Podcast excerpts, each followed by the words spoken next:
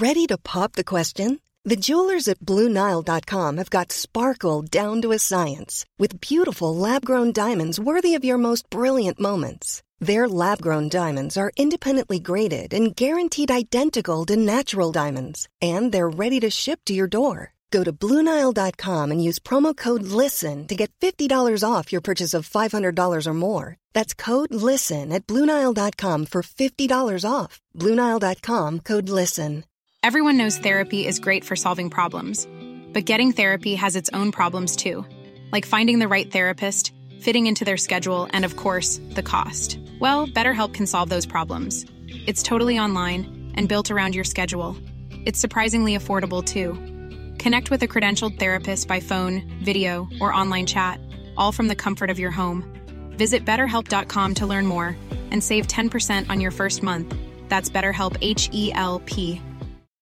Since 2013, Bombas has donated over 100 million socks, underwear, and t shirts to those facing homelessness. If we counted those on air, this ad would last over 1,157 days. But if we counted the time it takes to make a donation possible, it would take just a few clicks. Because every time you make a purchase, Bombas donates an item to someone who needs it.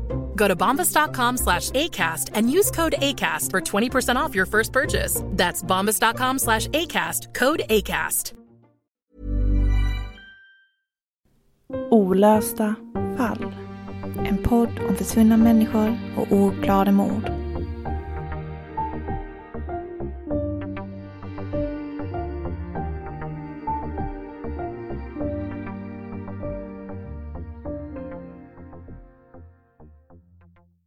Hej och välkomna allihopa till säsongens andra eftersnack av Olösta fall.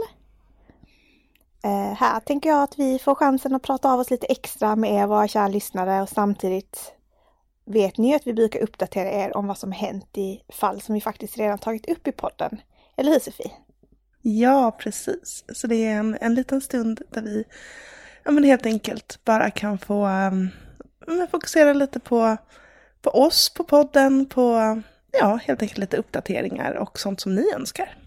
Mm, sånt som inte riktigt hinner med i de vanliga avsnitten där vi fokuserar mycket på enskilda fall ju. Mm, precis så. Hur är allting med dig så här? Nu är det snart sommar. Nej, men det är bra. Eh, jag fyller år imorgon. Så jag är lite så... Grattis! I förskott! Eh, överlevt ett år till, höll jag på att säga. Ja. Eh, och sen har jag massa, massa pollen. Eh, men annars är det bra med mig. Hur är det med dig Nattis? Det är bra med mig också. Livet Mm. kör på i ett känns det som. Mm. Så eh, nej men det, det är mycket just nu. Med allting runt omkring podden också med våra liv utanför. Ja, Den här lilla bubblan om man säger så. det är det verkligen. Det känns som det har varit så ett tag. Ja, det har ju det. och, men vi kämpar på och släpper avsnitt som aldrig förr. Så det, Mm. det går ju hur bra som helst ändå. Tycker vi i alla fall. Ja, vi tycker det. Vi gör vårt bästa. vi gör vårt bästa. Mm. Good enough. Ja, det är alltid, det är bara det man kan göra. Mm. Och vi har ju lite, vi har ju lite uppdateringar idag, eller hur Nattis? Ja, det är faktiskt två fall. Ett som vi faktiskt uppdaterade er om redan förra eftersnacket som vi har ännu mer information om. Mm. Eh, försvunna Terje som försvann på Muskö, den här ön utanför Stockholm. Eh, och sen har vi också en hel del som har hänt i ett annat fall som vi har tagit upp i podden i avsnitt 92 av Olösta fall. Emilie Meng, om ni minns det, Mm. mordet på den här 17-åriga danska flickan. Precis. Det är ett fall som blivit väldigt uppmärksammat både i Danmark men även här i Sverige har det skrivits mycket om det. Alltså sjukt märkligt fall. Ja, jag tänkte att vi kan köra en liten kort recap för er som inte ha koll på fallet och självklart så kan ni också lyssna på avsnitt 92 om ni vill ha hela bakgrunden. Men det var i alla fall sommaren 2016 som Emilie försvann från Korsör station i Danmark. Hon hade varit ute på stan under natten med vänner eh, och, och hon hade varit i slagelse och så klev av tåget på Korsör station vid fyra på morgonen den 10 juli, mitt i sommaren. Och hennes vänner skulle ta en taxi hem men Emilie ville promenera den sista biten, cirka fyra kilometer hem. En promenad hon brukade säkert ta. Mm. Ja, och hon hade väl brutit med sin pojkvän där och var lite upprörd. Och... Ja, just ja, så var det också. Mm. Och hon ska vinka hej till vännerna och det skulle visa sig att hon skulle försvinna efter det här. Eh, och att det var sista gången de skulle se henne vid liv. Mm. Och sen så tog det ju ganska lång tid innan man faktiskt hittade henne mördad. Det tog ett halvår cirka. Och det var så hemskt att det faktiskt var på julafton 2016 som man hittade hennes kropp. Så fruktansvärt. Ja, och det var ganska långt från hennes hemstad Korsör som hon hittades 65 mil utanför. Mm. I ett vattenfyllt gammalt grustag i Borup hittade hennes kropp. Mm. Och det här är ett fall där polisen har fått en hel del kritik. Dels för att det tog väldigt lång tid eh, för dem att sätta igång en ordentlig utredning. Jag tror att det här var den klassiska att man Dels var det semestertider mitt i juli, så det var ganska få poliser som var i tjänst i en så pass liten stad. Och sen så var det väl också den här tanken på att Emilie var en tonåring som säkert bara rymt hemifrån och skulle dyka upp igen, att det skulle bara ta någon dag eller sådär. Att hon var upprörd för sin pojkvän och du vet så här. Mm, klassiska. Men de äh, agerade inte tillräckligt fort tyckte allmänheten utan ja, det tog tid innan de började begära ut övervakningskameror, material från dem och, och sådär. Så det var mycket värdefull tid som gick förlorad. Mm. Och sen var det ju någonting som var väldigt centralt i utredningen att en tid efter mordet så var det mycket fokus på en ljus bil som hade synts till och som fångats på övervakningskamera nära stationen. Precis Mm. vid den tidpunkt där Emilia försvann. Så det är ju det är bakgrunden om man säger så till det här fallet. Då spolar vi fram sju år. Helt sjukt att det gått så lång tid. Mm. Vi är nu i 2023 och eh, veckan efter påsk i april i år så sker ännu ett fruktansvärt försvinnande i Danmark. Och den här gången rör det sig om 13-åriga Filippa som eh, försvann när hon skulle dela ut tidningar i den lilla byn eh, Kirkerup. Och hennes föräldrar blev oroliga när hon inte kom hem. Och efter att hon klockan 11.30 hade ringt sin bonuspappa för att berätta att hon då var på väg hem och så dyker hon inte upp. Mm. Och hennes pappa sa så här, danska tidningen Extrabladet. Hon skulle träffa en kompis som inte kunde få tag i henne och som sen ringde till oss. Så det hände runt 11.45. Mm. Och skillnaden här så var det att i Filippas fall så var polisen väldigt snabba i sitt agerande. Enbart några timmar så drog en massiv sökinsats igång och vi pratade helikoptrar, hundpatruller och man gick också ut och bad allmänheten om hjälp väldigt, väldigt snabbt. Mm. Och jag kan tänka mig också det här hände mitt på dagen, det är en 13-årig flicka. Eh, När Emelie försvann så var det ju, det var tidig, tidig morgon. Eh, Det dröjde ganska lång tid innan man förstod att hon var borta. Mm. Eh, Här har vi någon, en 13-årig flicka som är på väg hem och som inte kommer hem och man väntar på henne. Och polisen hittar Filippas cykel, väska och telefon slängda i ett dike. Vilket ju såklart var fruktansvärt oroväckande. Eh, Eh, och det här gjorde då polisen ännu mer övertygade om att Filippa råkat ut för någonting. Att hon helt enkelt, ja men troligtvis blivit kidnappad. Eh, Och det var klockan 11, söndagen efter hennes försvinnande, som polisen gick ut med att de misstänkte brott i det här fallet. Och senare samma dag, då på söndagen vid 15-tiden, så kallade polischef Kim Kliver och vice polischef Rune Dahl Nilsson till pressträff. Och det skulle visa sig att man hade hittat Filippa vid liv i en bostad som nu var avspärrad för att man helt enkelt skulle säkra bevis. Och i den här bostaden, eh, ja, den låg inte långt ifrån den plats från vilken Filippa försvunnit och man hade faktiskt en misstänkt person gripen vid tillfället. Och det rörde sig om en 32-årig man som senare skulle komma att häktas misstänkt för olaga frihetsberövande och sexualbrott vad gäller den här händelsen med Filippa. Så fruktansvärt. Eh, Ja, och polisen eh, kunde Man kan ju verkligen säga att det här, det här händer ju inte ofta att man lyckas agera så här fort, så att man hittar henne vid liv på det här sättet. Det känns som att det är inte ofta man Mm. hör om de här historierna och, och hon har varit med om fruktansvärda saker men att hon klarade sig också. Det är ju någonting som man ändå får vara tacksam över i det här fallet att polisen agerade Mm. så fort. Det är fantastiskt. Verkligen. Och, ja. och polisen kunde också i, under den här pressträffen uppge, eh, enligt en artikel i Aftonbladet, att Filippa var vaken, talbar när de hittade henne. Eh, men de vill inte gå in på fler detaljer om hennes tillstånd efter vad hon råkat ut för, vilket är fullt förståeligt. Mm. Vi är glada å föräldrarnas vägnar att hon är hittad vid liv, säger polisen på pressmötet och fortsätter. I anslutning till utredningen har vi fått in väldigt mycket tips och det är det arbetet som ledde oss till den här adressen. Och det skulle visa sig att det var just att polisen vände sig till allmänheten om hjälp via bland annat sociala medier som gjorde att Filippa faktiskt kunde mm. hittas. Eh, så det är att man engagerar sig när det händer någonting, gud vad det är viktigt. Ja.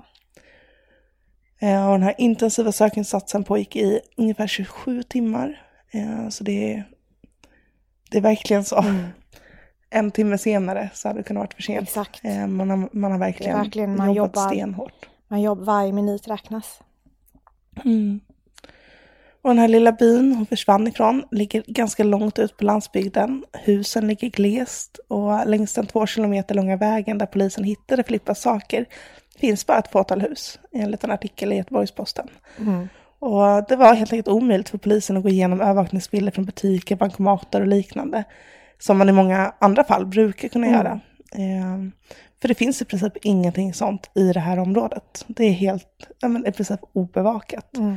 Så istället så gick polisen i eh, Sydsjälland och eh, Lolland Falster ut med en uppmaning då till allmänheten på Twitter om att se över privat eh, videoövervakning. Så man bad alltså allmänheten om att titta på sina egna övervakningskameror, mm. Sina privata i sina egna bostäder. Mm. Eh, och det var då som alla tips började strömma in. Eh, bland annat fanns det privatpersoner i området med dashams i sina bilar. Eh, det är sådana som filmar allt som, sånt som filmar allt som rör sig eh, framför deras mm. bilar. Och som då kontaktade polisen och lämnade in sitt material till polisen. Så här, här kan man verkligen säga att allmänheten har gjort stor, stor skillnad i det här fallet.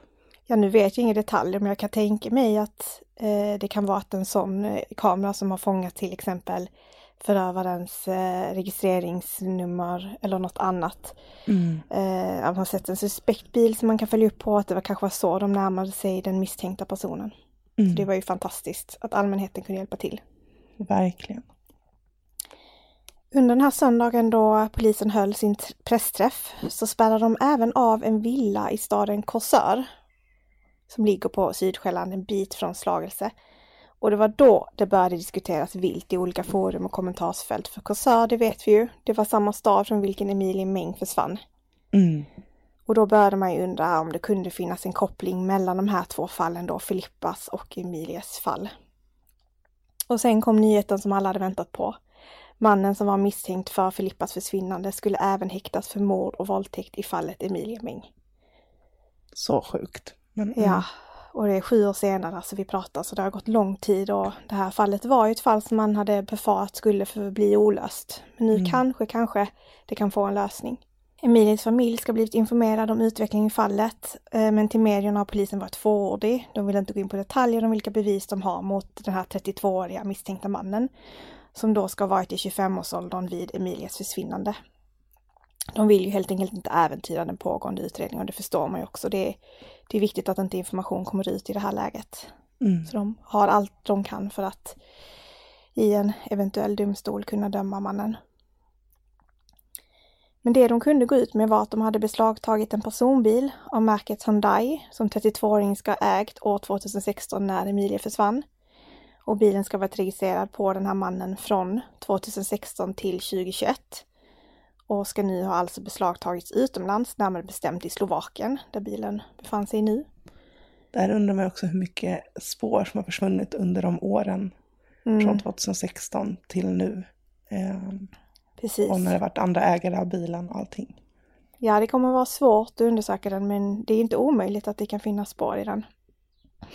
Och det intressanta är ju att, som ni säkert misstänker själva, att eh, det var ju en bil som vi har pratat om som hade synts på övervakningskameran och det var just en Hyundai av just samma modell i 30 heter modellen. Och i samma nyans som den här aktuella bilen. Eh, det var den som alltså fångades på övervakningskameran där vid Korsör station vid samma tidpunkt som Emilia senast såg vid liv. Så finns det liksom spår av Emilia på något sätt i den här bilen så kan den bli ytterst viktig för att sätta dit 32-åringen, tänker jag, i domstol. Mm. Vi får ju se Ja, vad hur- de lyckas få fram. hur många, hur många män i det här området kan ha den här liksom vansinniga läggningen. Alltså, det känns ju som man har en väldigt stor chans att ringa in rätt person i det här läget. Ja, och den här bilmodellen har ju varit väldigt intressant för polisen. Mm. De har ju velat komma i kontakt med alla som ägt just en sån här bil. Och därför så figurerar faktiskt 32-åringen i utredningen sedan tidigare just för att han blev eh, förhörd av polisen på grund av att han ägde den här bilen. Mm. Men vad de förhören ledde till då vill polisen inte gå ut med i nuläget. Men det finns källor som yttrar sig till danska Extrabladet som säger att den här misstänkta mannen själv ska berättat för bekanta att polisen ska ha ringt upp honom och frågat var han befann sig den här natten då Emilia Meng försvann. Så det är oklart vad 32-åringen då uppgav till polisen men han ska i alla fall pratat om det här själv att, att han har blivit förhörd till vänner och så. Ja, och det sjuka är att det tar faktiskt inte slut där. Det finns ännu mer på den här 32-åringen. Eh, mannen har nu då i samband med att han häktades för Emilie Meng-fallet även häktats för misstanke i ett annat fall. Och det rör sig om ett våldtäktsförsök på en 15-åring som ska ha ägt rum i november förra året. Så att eh, han har ju inget trevligt liksom våldskapital om man säger så. Eh, om han visar sig vara skyldig så rör det sig alltså om en person med ett väldigt tydligt mönster. Han ger sig på unga flickor genom våld med då ett sexuellt motiv. Och han har gjort det här flera gånger och minst en gång med ett dödligt utfall. Och vem vet om det finns andra fall som ännu inte har kommit upp till ytan, det återstår ju att se. Och i Emilie Mengs fall så ska det finnas DNA-bevis säkrade. Och den här mannen har nu fått lämna DNA-prov. Så om det matchar mot DNA som säkrats i Emiles fall så ligger han ganska risigt till om man säger så. Mm. Och det lär vi få reda på inom en ganska snar framtid om det är så att det här matchar. Ja, sen ska det tilläggas att mannen via sin advokat yrkar på sin oskuld gällande de här nya anklagelserna, anklagelserna som riktas mot honom både gällande fallet Emile samt då fallet om den här 15-åriga flickan. Mm, så han nekar ju Ehm. fortfarande till brott då ja. Mm. Ja, eh, samtidigt som han då är häktad för det här han gjort mot Filippa. Mm. Där blir det Ja. nog svårt att, att, att be, liksom bedyra Mm. sin oskuld med tanke på att han tog lite på bar gärning med Filippa i sin bostad. Precis, så att Mm. Det är fruktansvärd människa.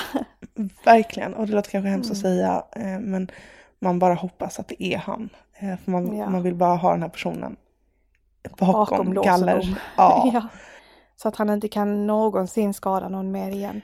Nej, och det som också hade varit skönt med om det var han, ja men som sagt, hur många där ute finns det som i det här området som gör sådana här saker? Det hade ju känts någonstans lite betryggande att det bara var en person. Mm. För det, är- det är så sjuka människor som gör sådana här saker. Ja, verkligen. Verkligen. Så, men eh, vi håller er uppdaterade på sociala medier. Ni håller oss uppdaterade i eftersnack. Ja, skicka gärna om ni har artiklar gällande gamla fall som vi tagit upp för att vi, det är så vi kan inte eh, hitta allt. Så ni får jättegärna hjälpa oss så att vi kan hålla oss uppdaterade och dela vidare och så. Så det är vi så tacksamma för när ni gör. Precis. Hey, I'm Ryan Reynolds. Recently, I asked Mint Mobile's legal team if big wireless companies are allowed to raise prices due to inflation. They said yes. And then when I asked if raising prices technically violates those onerous two year contracts, they said, What the f are you talking about, you insane Hollywood ass?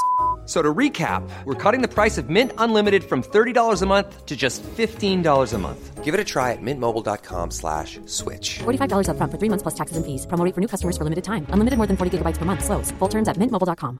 Hiring for your small business? If you're not looking for professionals on LinkedIn, you're looking in the wrong place. That's like looking for your car keys in a fish tank. LinkedIn helps you hire professionals you can't find anywhere else, even those who aren't actively searching for a new job but might be open to the perfect role. In a given month, over 70% of LinkedIn users don't even visit other leading job sites. So start looking in the right place. With LinkedIn, you can hire professionals like a professional. Post your free job on linkedin.com/people slash people today. Everyone knows therapy is great for solving problems, but getting therapy has its own problems too, like finding the right therapist, fitting into their schedule, and of course, the cost. Well, BetterHelp can solve those problems. It's totally online and built around your schedule. It's surprisingly affordable too. Connect with a credentialed therapist by phone, video, or online chat, all from the comfort of your home. Visit betterhelp.com to learn more and save 10% on your first month. That's BetterHelp, H E L P. Och som sagt, Terje Johansson som vi tog upp i förra eftersnacket, det är tack vare en lyssnare som vi faktiskt har mer information igen om Terje, eller hur Nattis? Mm, precis. Så ja, Terje Johansson, det är det här försvinnandet Muskö som ägde rum i december 2021 som vi pratade om i förra eftersnacket. Och som sagt, det har tydligen kommit ut mer information i norska medier, bland annat i ett tv-program, eh, sen vi då spelade in eh, förra eftersnacket. Mm. Och det var ju en av våra kära lyssnare som bor i Norge som har sett det här programmet på tv om Terje och då kunnat sammanfatta vad som tagits upp åt oss. Eftersom vi då själva inte har tillgång att se programmet på grund av landsrestriktioner. Och det är mycket intressanta saker, minst sagt, som framkommit i det här tv-programmet. Mm. Så lyssna gärna på avsnittet om Terje samt förra eftersnacket innan ni lyssnar vidare så att ni helt enkelt hänger med och har koll på vad som har hänt i det här försvinnandet och vad det egentligen är vi pratar om. Mm. Och det har nu kunnat avslöjats att Terje ska ha kört hem till en uppfödare av schäfervalpar i Sande eh, utanför Drammen på sin resa då mot Nordnorge. Mm. Så nu vet vi var han befunnit sig. Mm. Och Drammen ligger bara en dryg halvtimme i bil norrut från eh, Nykirke, där Terje då bodde. Så det är ju rimligt att han skulle kunna kört dit på sin väg till Troms, dit han var på väg helt Mm. enkelt. Vi vet ju också sedan tidigare att Terje hade en önskan om att köpa en hund. Så att det kan verkligen stämma att han då besökte en uppfödare på vägen för helt enkelt att titta på schäfervalpar och kanske planerar ett inköp av just en hund. Och enligt den här uppfödaren som eh, Terje ska ha eh, träffat så ska Terje ha upplevt stissig. Han ska ha haft bråttom med att köpa en valp och hade frågat uppfödaren om han bara kunde köpa en valp där och då och ta med sig. Och det är inte riktigt så det funkar när man köper hund av en eh, Nej. Inte av en seriös uppfödare i alla fall. Nej, precis. Ehm, så han har ju agerat i någon form av så här, nu ska jag bara lösa det här. Mm. Eh, han ville att det här köpet skulle gå fort, han har sagt att han kunde betala med kontanter, eh, att han hade en låda som hunden kunde åka i då i sin bil. Så det här har ju varit någon form av spontan, även om det fanns en tanke om att han ville ha en hund, så har ju det här agerandet visat på att det är någon form av panik, spontan idé. Ja, och det brukar vara så att man besöker och man hittar en hund som passar en och att det tar lite tid, mer än ett besök i alla Mm. fall, innan man köper hunden. I de flesta fall, eller att man har kontakt i alla fall. Precis, så det är inte bara hunden som ska väljas utan uppfödaren ska också känna att det är en trygg person som köper hunden. Så att, ja, uppfödaren tyckte att det här verkade märkligt och oseriöst och sa helt enkelt därför nej till Terje om att helt, köpa en valp där och då. Och Terje verkar ha blivit stött och sagt att han då kunde köpa en schäfervalp av en uppfödare i Sverige istället. Mm, för han skulle ju sedan köra genom Sverige upp mot Nordnorge. Så han kanske tänkte att han Precis. skulle hitta någon annan på vägen. Ja, ja, precis. Så skulle det här då varit anledningen till varför han åkte på en detour till Stockholmsområdet? Helt enkelt för att han Mm. ja, kanske skulle möta upp någon där för att försöka köpa en hund eftersom den här uppfödaren sa nej. Det är ju en ganska trolig teori faktiskt nu när vi har fått den här informationen. Mm. Vi vet ju sedan innan att Terje ska ha ringt till familj och vänner under sin resa för att hålla folk uppdaterade om eh, läget och så. Det var en ganska lång resa han skulle göra upp till Nordnorge. Och en av dem som han ska ha ringt till är hans syskonbarn Janne som han stod väldigt nära. Eh, och hon har nu kommit fram och berättat lite mer i medierna också om de här samtalen hon har fått av, av Terje. Klockan var 17.28 den 1 december 2021 när Terje ska ha ringt till Janne enligt en artikel på tv2.no. Och när hon plockade upp luren så kunde hon höra på Terjes röst att han befann sig i bilen och att han lät väldigt trött. Så Janne föreslog att han skulle köra in till sidan och vila lite eftersom han hade kört väldigt långt. Men då Mm. sa Terje att han snart var framme så att det var lugnt. Men enligt polisen som då har eh, trackat det här samtalet så ska han alltså befunnit sig på Muskö när det här gjordes, alltså inte alls i närheten av sin ursprungliga destination i Nordnorge. Och enligt polisen ska det här också varit det sista samtalet. Eh, det som han hade med Janne var alltså det sista registrerade samtal som Terje hade innan han försvann. Det är också märkligt varför han då ljuger för sitt syskonbarn. Mm, för Janne hade som sagt en väldigt nära relation med Terje. Han hade själv inga barn så att han stod kanske extra nära sina syskonbarn av den anledningen. Eh, mm. Men han hade aldrig nämnt för henne eller heller i det samtalet eller tidigare att han var på väg till Muskö. Så därför tänkte hon ju såklart när han säger att han snart är framme att han var på väg till det här nya huset han skulle köpa i Skarvöj utanför Troms. Så att eh, mm. hon, det var verkligen en överraskning för henne att han hade befunnit sig på Muskö vid det här samtalet. Och efter samtalet så skickade Janne tre meddelanden till Terje som alla förblev obesvarade. Ett skickades fredagen den 3 december klockan 19.22 då hon skrev frågade om han fortfarande var i Skarvöj eller om han hade rest hem igen. Han fick inget svar. Hon skickade ett nytt meddelande dagen efter, lördagen den 4 december klockan 17.36 och frågade om allt var bra eftersom hon inte hade hört av sig. Och där fick hon heller inget svar. Och det är klart att här växer säkert oron hos henne såklart. Man tänker också att han kan råkat ut efter en olycka, att någonting kan ha hänt när han är ute på vägen själv liksom. Ja, eftersom han var trött när han körde. Ja. Det är farligt liksom. Precis, och att om han brukade höra av sig ofta. Så måndagen den 6 december klockan 11.43 på förmiddagen så skickade hon ytterligare ett sms och frågade om han var okej eftersom han då inte hade hört av sig på sex dagar. Men mm. Janne fick aldrig något svar på det heller och hon försökte även ringa honom upprepade gånger utan svar. Mm. I artikeln på tv2.no så berättar hon att Terjes beteende faktiskt ändrade sig en hel del tiden innan försvinnandet. Bland annat så sökte han mer kontakt med henne. Han ringde henne oftare och kom på besök oftare än vad han brukade göra normalt sett. Och hon sa att det var så mycket som tre till fyra gånger om dagen de brukade höras då, precis tiden innan mm. försvinnandet. Och det är någonting hon faktiskt funderat på i efterhand. Vad var anledningen till att han hörde av sig så pass mycket till henne precis då? Var det någonting han ville säga henne? Varför försökte han mer kontakt än vanligt helt enkelt? Hon har också yttrat sig om att Terje verkade vara ganska nervös där, i samtal och så. Att han, hon beskriver det lite som att han pratade i koder, att han liksom började meningar som han inte riktigt avslutade. Mm. Så han, det var lite osammanhängande. Och en annan märklig sak var att han dessutom överförde en stor summa pengar, 105 000 kronor, till sina syskonbarn. Eh, och det var någonting Janne också, särskilt i efterhand, tyckte var väldigt konstigt.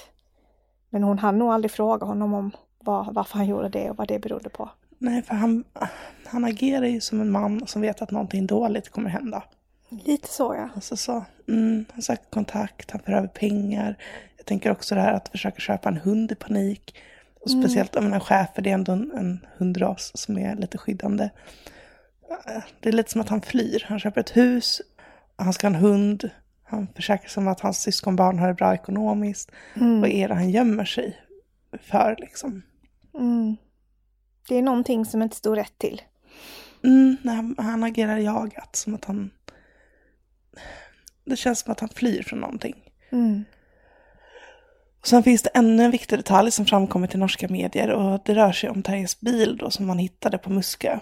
Och efter det att han undersöktes av polis så blev den såld till ett försäkringsbolag i Norge som eh, bedömde bilen som icke körduglig då på grund av de här skadorna som den faktiskt hade. Mm. Och när bilen anlände, anlände till Norge så fick Janne, då hans syskonbarn, möjlighet att hämta Terjes tillhörigheter som fortfarande fanns i bilen innan bilen skulle skrotas. Och hon lade märke till att Terjes GPS fortfarande fanns kvar i bilen. Mm. Och när hon tittade närmare på den kunde hon se vilka adresser som skrivits in. Och det är väldigt, väldigt intressant. Eh, mm. Och en av adresserna var till det här sommarhuset i Troms. Men på GPSen fanns även eh, flera andra adresser, några då i närheten av Stockholm. Och enligt svensk polis så ska de ha undersökt Terjes mobildata för att få reda på vilken rutt han kört. Men de ska helt enkelt ha missat att undersöka själva GPSen i Terjes bil, vilket ju känns som en jättemiss. Mm. Och som tur var så kunde GPSen säkras från bilen då innan bilen skrotades och den hamnade i händerna på redaktionen bakom programmet Åsted Norge. Som då är det här tv-programmet, lite likt Efterlyst som vi har här i Sverige. Mm. Eh, som den här informationen då är hämtad ifrån. Mm. Och en reporter från programmet ska ha tagit sig till Sverige för att besöka adresserna utanför Stockholm då i hopp om att få mer information om vad som kan ha hänt Terje. Och i norska medier så har det riktats stor kritik till svensk polis som missat den här GPSen i bilen, särskilt eftersom man uttalat sig om att man då gjort allt i sökandet efter Terje och att de gått ut med att de misstänker brott i fallet. Och så har man missat en sån här stor detalj, en sån Mm. avgörande sak. Um, och den utredande polisen Lotta Tuny beklagar den här missen i en artikel som publicerats på tv2.no. Hon säger att polisen har varit fokuserade på att söka spår efter en eventuell gärningsperson i bilen och att man därför då missat GPSen. Men att information om vilka adresser han besökt stämmer överens med mobildatan som de kunde då hämta från Terjes mobil. Och det rör sig om samma område i Stockholmsområdet som Terje då ska ha besökt. Den 9 februari 2023 beslagtogs GPSen av norsk polis som då ska utföra en teknisk analys av den. Och ja, vad de kommer fram till det återstår helt enkelt att se. Mm. I tv-programmet Åsted Norge, när GPSen undersöktes så kunde man se att Terje hade sökt på massa random adresser till hotell och bensinstationer i Sverige. Ehm, Så det verkar som att han, han har ju ändrat sina planer, annars Mm. letar man inte helt plötsligt efter hotell. Annars hade ju kört eh, raka vägen till Troms som tanken var. Precis, Eh, och då kommer vi tillbaka till det här med att köpa hund. För att enligt hunduppfödaren i Sande utanför Drammen, som man då har besökt, så är det vanligt att oseriösa uppfödare som säljer valpar vill mötas på sådana här ställen för att köparen sen inte ska veta var man bor och hur hundarna har det där de kommer ifrån. Eh, Så kan det vara så att det är därför han åkte till de här platserna, för det syftet att helt enkelt köpa en valp eftersom han blev nekad av den här uppfödaren. Mm. Eh, Kan Terje bestämt träff med en sån eh, person, en sån oseriös uppfödare? Det är inte helt omöjligt också. För jag tänker också på att han verkar ju väldigt desperat i att få tag i en valp. Så att det kan ju vara ett Mm. motiv till att han, att han verkligen, eh, alltså att han tänkte bara jag ska köpa en hund på vägen upp. Mm, punkt slut liksom. Mm. Och det är också intressant för att Terje hade ju 17 000 kronor i kontanter. Och det är ungefär också vad en hund av den här rasen ungefär kostar. Mm. Så en teori som man landar i här är alltså att någon oseriös uppfödare helt enkelt kan ha mött upp Terje i Sverige för att försöka sälja honom en hund och så har någonting hänt och gått fel. Mm. Eh, eller så har han kanske mött upp någon i god tro för att sen bli rånad på kontanterna. Eh, eftersom hundköpet skulle ske med kontanter. Det känns som att vi mer och mer börjar närma oss vad som faktiskt kan ha hänt Terje. Och ja, men vi fortsätter att följa utvecklingen i det här fallet helt enkelt. Mm. Eh, men ja, så det är... Den här informationen gör jätteskillnad. Vi vet att han, han ville köpa en hund. Han blev nekad hos den seriösa uppfödaren. Han har kontanter på sig. Han gör en omrutt. Eh, söker på märkliga adresser. Kontanterna är ju borta. Mm. Så är det någonting som har hänt här. Men en sak jag, jag tycker är lite märklig det är att han inte säger det här till familj. Så, alltså, när han är, pratar med Janne till Mm. exempel i telefon eller vänner. Att bara, nej men jag, jag har eh, kontakt med en hunduppfödare här, jag tänkte åka förbi Sverige. Alltså att, för det är ju ingenting man håller hemligt, eller? Jag tycker det är lite konstigt att han aldrig nämner det. Både ja och nej. Är det för att han försökte köpa hunden kanske på ett ganska oseriöst sätt och att han inte ville prata om det? Ja, jag tänker också att här, om man nu inte lyckas få tag i en hund så kanske man inte vill göra syskonbarnen besvikna att man inte kommer hem med en valp. Ja, så det kan ju helt enkelt vara att Mm. han, om han har fått en fix idé liksom. Han säger ingenting förrän han har löst det. Ja. Kanske. Men, eh, Kanske. Och det kan ju vara att han visste att hans eh, familjemedlemmar skulle sagt nej men köp inte, Mm. gör nu inget spontanköp liksom. Eller Mm. köp från en seriös uppförare istället eller sådär. Där, så du vet var hunden kommer ifrån. Att Mm. han inte vill ha de här råden kanske. Nej, det är någonting, någonting som har gjort honom väldigt stressad. Eh, Mm, det är lite märkligt. Mm.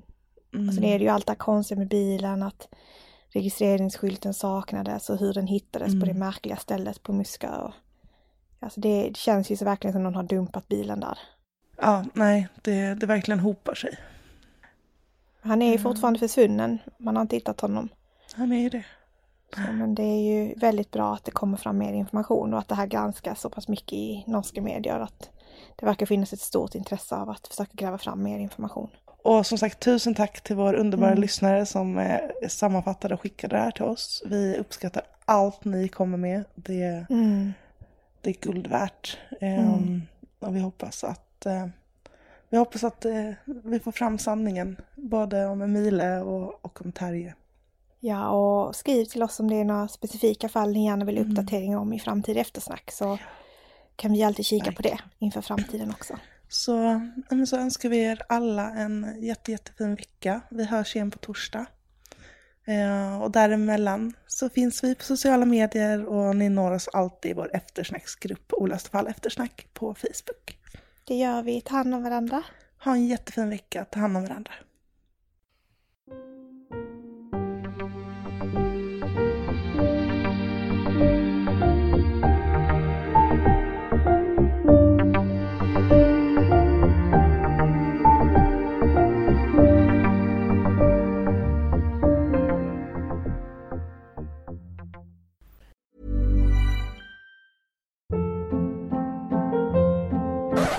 Up. What was that? Boring. No flavor. That was as bad as those leftovers you ate all week. Kiki Palmer here, and it's time to say hello to something fresh and guilt-free. Hello Fresh. Jazz up dinner with pecan-crusted chicken or garlic butter shrimp scampi. Now that's music to my mouth. Hello Fresh. Let's get this dinner party started. Discover all the delicious possibilities at hellofresh.com. Planning for your next trip? Elevate your travel style with Quince. Quince has all the jet setting essentials you'll want for your next getaway, like European linen, premium luggage options, buttery soft Italian leather bags, and so much more. And is all priced at 50 to 80% less than similar brands.